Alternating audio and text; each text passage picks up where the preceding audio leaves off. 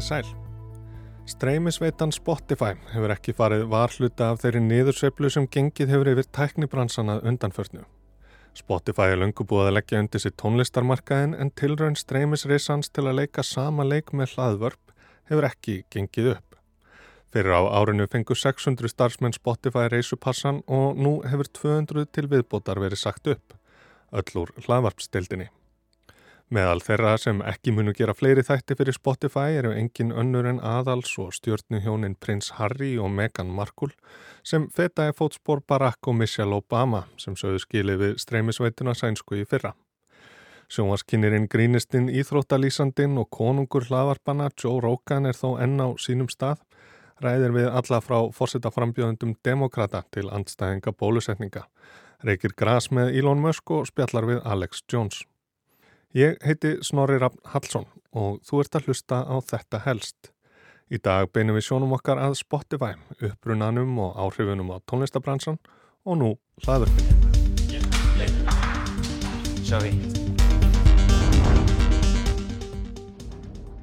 Við heyrum hér brot úr sænsku Netflix þáttaröðinni The Playlist, stílfærðum dramaþáttum um sögu Spotify og það er áskoranir sem stopnandin Daniel Ek og samstarfsfólk hans stóð frammið fyrir í fyrstu.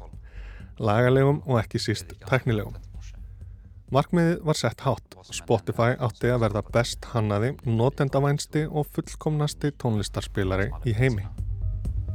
Den bäst designade, mest användarvänliga, mest kompletta musikspelaren som någonsin funnits. Það var líkilatriði að frá því að notandin smelti á spilunarknappin þar til lægið færi í gang lið ekki meira en 250 millisekundur.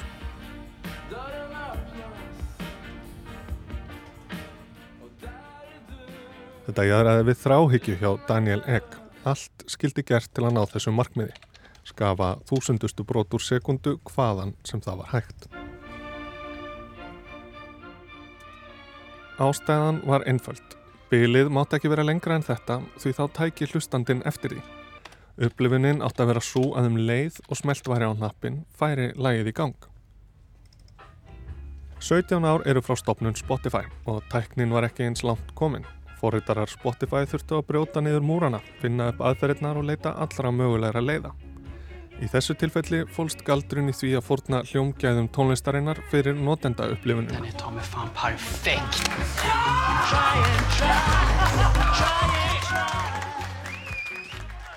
Það var þessi ótrúlega nákvæmni og ófrávíkjanlega áhersla á notenda upplifun sem kom Spotify á kortið.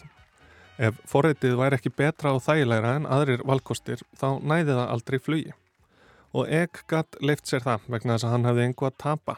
Hann var aðeins 23 ára þegar hann stopnaði Spotify en þrátt fyrir það hafði hann mikla reynslu úr teknigeranum, hafði hætt í háskóla til að einbytta sér að ferli sínum, gengt að háum stöðum, stopnað og selt sitt eigið auglýsingafyrirtæki. Við það var hann svo ríkur að hann ákvaði að leggjast í helgan stein, rétt komin á 30 aldur, en fljótlega fór honum að leiðast. Hann vandaði verkefni og reyðst ekki á gardin þar sem hann var legstur. Þetta var furðulegur en um leið áhugaverður tími til að sækja á mið tónlistar á netinu. Mikil breyting varði kringum aldamótin. Tölfur voru komnar á flest heimili, auk frumstæðira internettenginga og fljótt uppgötaði fólk að hægt væri að skiptast á tónlist án þess að greiða fyrir hana. Metallica hafði lagt napster fyrir domstólum en torrent-tæknin tók fljótlega við. Hugbúnaður tónlist, kvikmyndir og sjónvastættir flugu á milli notenda og engan miðlagan gagnagrunn sem var bæði dýrt að halda úti og einhver þurft að bera ábyrða á þurfti til. Notendur gera einfallega skrár á sinni tölvu aðgengilegar öðrum. Á sama tíma hafði Apple fullkomnað MP3 spilaran með fyrsta iPodinum svo ekki bara var hægt að nálgast hvaða tónlist sem er, það var hægt að hafa hana með sér hvert sem er. iTunes gerði fólki kleift að kaupa tónlist á stafrænu formi en það er óhætt að segja að til hafi orðið heil kynnslóð hlustenda sem tilengaði sér það að sækja sér tónlist án þess að borga fyrir hana og vandist í að hafa stanslust aðgengi aðinni. Það gefur auga leið að þetta hefði gífulega áhrif á plötusölu með tilherandi fjárhagslegum skada fyrir listamenn og útgefundur. Og í hvert sinn sem ein ólögleg þjónusta var tekið niður spratt önnur upp í hennar stað. Og þrátt fyrir þúsundir málsókna virtist ólöglegt niðurhal vera komið til að vera. Ég áttaði með á því að það var ekki hægt að stöðva ólöglegt niðurhal með lagasetningu. sagði ekki viðtali við The Telegraph 2010. Eina leiðin til að leysa vandamálið var að búa til þjónustu sem var betri en ólöglegt niðurhall og var á sama tíma tekjulind fyrir tónlistareiðnaðin. Það var þó ekki bara af einskerri umhyggju fyrir tónlistafólki og plötu útgefundum sem Egg einsetti sér að leysa þetta vandamál. Hann hafði á tilfinningunni að streymisveitan hans gæti einn daginn orðið margra miljardadólara virði. Það er halv kjánalegt að lýsa Spotify núna, því við þekkjum þetta svo vel, en Spotify kom til mótsvið nýjar hlustunavenjur með spilunarlistum, deilingu á tónlist og markvíslegum leiðum til að uppgöta ný lög, blötur og listamenn. Við höfum nánast alla tónlist heimsins innan handar, öllum stundum, getum spilaðana undir eins þegar okkur listir. Fólk er tilbúið að borga fyrir löglega þjónustu ef upplifunin er laus við allan núning, er auðveldasta lausnin. Tónlistafólk hefur lengi verið ósátt við það hver lítið Spotify greiðir fyrir spilanir. Ólöglegt niðurhal er ekki sama vandamálið og það var. Spotify liti þá breytingu en tekjutappið hefur í mörgum tilfellum ekki verið bætt. Spotify heldur 30% af sínum tekjum fyrir sig en hinn 70 skiptast á milli réttafa, höfunda, flytjanda og útgefenda eftir floknum reiknireglum sem taka með að fjölda spilana, fjölda áskrifenda, hvar þeir eru, hvar er hlustað og svo framvegis og svo framvegis.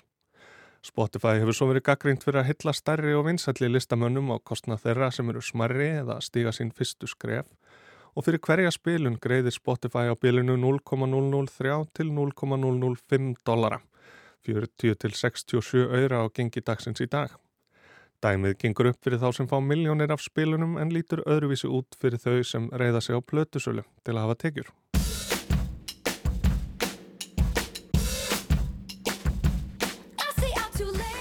Taylor Swift var um tíma einn helsti talsmaður þess að listafólk tæki bara ekki þátt í þessu.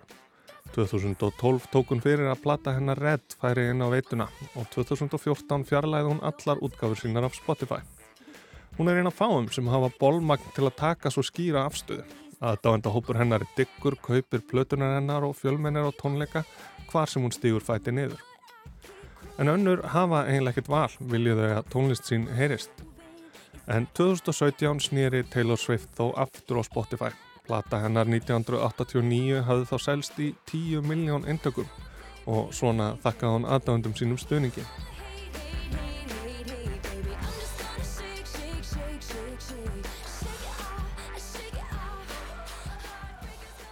Fleiri stóri listamenn hafa einnig gaggrind Spotify. 2013 lísti Tom York, söngvari Radiohead, streymisveitunni sem síðasta örvæntingarfulla prumpi degjandi líks. Hvað svo sem það þýðir. Í öllu falli verðist Spotify á samt öðrum streymisveitum eins og Tidal og Apple Music vera komið til að vera. Sjálfgefin leið nútíma mannsins til að mæta sínum hlustunathörmum innbyggð í öll okkar tæki og tól. En tæknin er aldrei hlutlaus, hún mætir ekki bara þörfum okkar, heldur skapar þær og mótar vennjur okkar fjarlægir alla hnökra, jáfnvel þó þessi hnökrar skipti máli. Aug notendavæns viðmót svo mikils úrvals byggist velgengni Spotify ekki síst á meðmælafítusnum sem býr til spilunarlista fyrir okkur, mælir með nýri tónlist og kynir listamenn sem okkur gæti líka við. Þannig þarf ekki eins og að vita lengur hvað maður vill lusta á. Tugir miljóna fylgja svo vinsalustu spilunarlistum Spotify eins og Today's Top Hits Top 50 Global Rap Kaviar og Viva Latino Að komast inn á slíkan lista tryggir listamönnum þær miljónir spilana sem þarf til að hafa eitthvað upp úr þessu. En fyrir utan spilunarlistana með öllum smellunum eru fjölmarkir listar sem maður að hlusta á heldur hafa sem bakgrunnsgröð Deep Focus, Chill, Lo-Fi Study Beats og Kaffihúsa tónlist. Og þessum listum eru listamenn ekki einir um hittuna. Sænska blaði Dagins Nýheter hefur komið staði að fyrirtæki Firefly Entertainment sem stopnað var af einum aðstu stjórnundum Spotify hafi ríflega 800 tónlistamenn á sínum snærum sem þó eru alls ekki til heldur hrein uppspunni. Sumir þessara skálduðu tónlistarmanna eru sagðir vera íslenskir. Þetta er alveg mál fyrir Eh, fyrir íslenskan tónlistarina við myndum vilja sjá sjá íslenska listamenn á þessum lagalistum frekar en, en, en þessi gerfimenni sko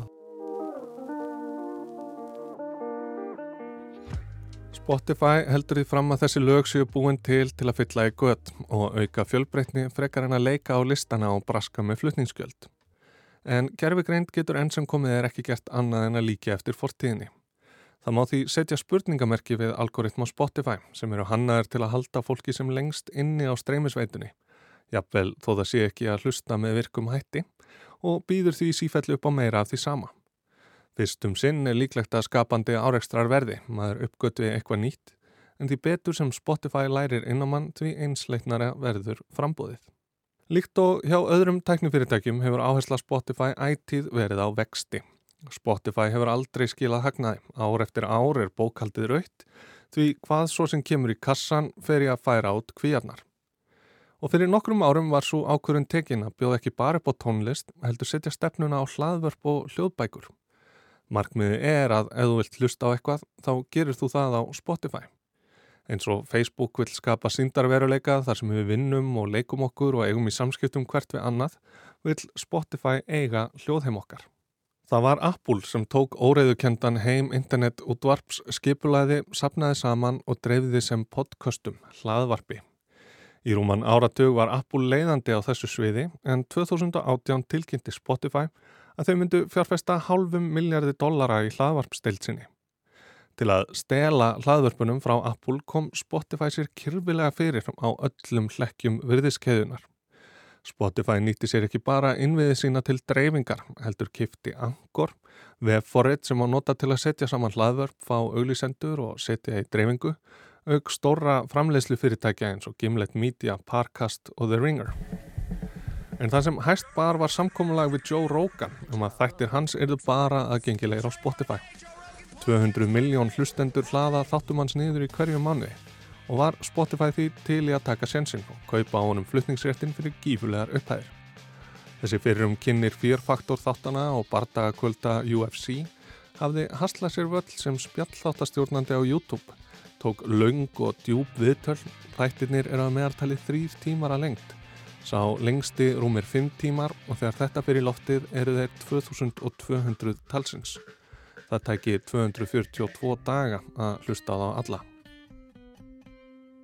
Rógan er hispuslaus, segir það sem hann hugsar og þykir skilja bandariska karlmenn betur en margir aðrir. Cannabis er gerðnan við höndina og þegar Elon Musk kom í viðtal fekk hann sér í haus og hlutabriði Tesla fjallum 9% í kjölfarið. So is that a joint? Or is it a cigar? En þetta samkómulag hefur ekki alveg gengið smurt fyrir sig. Rókan hafði uppi evasemtur um gagsemi COVID-bóluefna, mælti með rossalifinu Ívermektin og fekk til sín viðmælanda sem líkti viðbröðum við heimsfaraldrinum við uppgang nazismanns í Þýskalandi. Læknar, profesorar og heilbriðistarfsfólk kallaði eftir að Spotify fjarlæði þessa þætti, en niðurstaðan var svo að viðvörunamerki var sett á þá í staðin. Spotify var þarna komið í þá stöðu að þurfa að verja og taka ábyrð á því efni sem það bauð upp á. Neil Young tók tónlist sína á Spotify í mótmælaskinni. Félagar hans úr Crosby, Stills, Nash & Young gerðu slikt til sama á samt Joni Mitchell. Í november 2022 sagði hann Ég sný aldrei aftur þangað. Ég þarf það ekki, ég vil það ekki. Í april 2023 var tónlist Neil Young aftur aðgengilega á veitunni. Í leiftusókn sinni inn á hlaðvarpsmarkaðin gerði Spotify einni samninga við frekt og ábyrrandi fólk sem hafði kannski ekki mikla reynslu af hlaðvarpi. Michelle Obama var með sinn eigin þátt, The Michelle Obama podcast og Barack gerði Renegade-seríuna með engum öðrum en Bruce Springsteen. Spotify vildi keira á fræðinni og var ósátt við hvað Higher Ground, framleiðslu fyrirtæki fyrrum fórsendahjónana, framleiti lítið efni þar sem þau voru aðal var frekar í því að veita öðrum rött. Og nú hefur leikurinn endur tekið sig með næstu vonastjórnir Spotify, prins Harry og Meghan Markle. Gert var samkómulag fyrir 20 miljón dollara, en það eina sem kom frá þeim hjónum var 13 þáttaserían Archetypes, þar sem Markle rætti við gesti um þá merkimiða sem halda aftur af konum.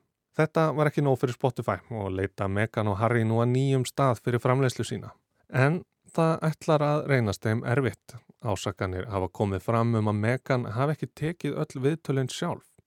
Framlegendur þáttana hafi tekið á móti viðmælendum og rætt við á og svo spurningarnar kliftar inn eftir að Markul hafi tekið þær upp og þeim bætt inn eftir á. Tilraun þeirra til að fá enga leifi á Archetypes nafninu gekk ekki heldur upp og orðrómar eru um að Netflix ætla að fylgja Spotify eftir og rifta samningnum við þau. Það verist ekki vera nóg að vera bara frægur til að fólk hafi áhuga því sem það er að gera og það veðmál Spotify hefur ekki borgað sig. Það þarf mikið til að fyrirtæki sem alltaf hefur skilað tapi til þess að geta vaksið ákveði að draga saman seglum. Hlaðvörpin eru enda annars eðlis en tónlist og ekki vísta sömu viðskiptamótilinn gangi upp. Hlaðvarpsteildin hefur einst allt of kostnaðasömu og 200 starfsmunum hennar hefur nú verið sagt upp. Stemt er að því að samina Gimlet Media og Parkast, framleiðslu fyrirtækin sem rekin eru af fagfólki fyrir um starfsmunum NPR og reyndum hlaðvörpurum. Hljóð heims yfir á þinn með fræga fólkið fremst í flokki verða því aðeins að býða. Þetta var helst af Spotify. Ég heiti Snorri Rafn Hallsson og þakka á hernina.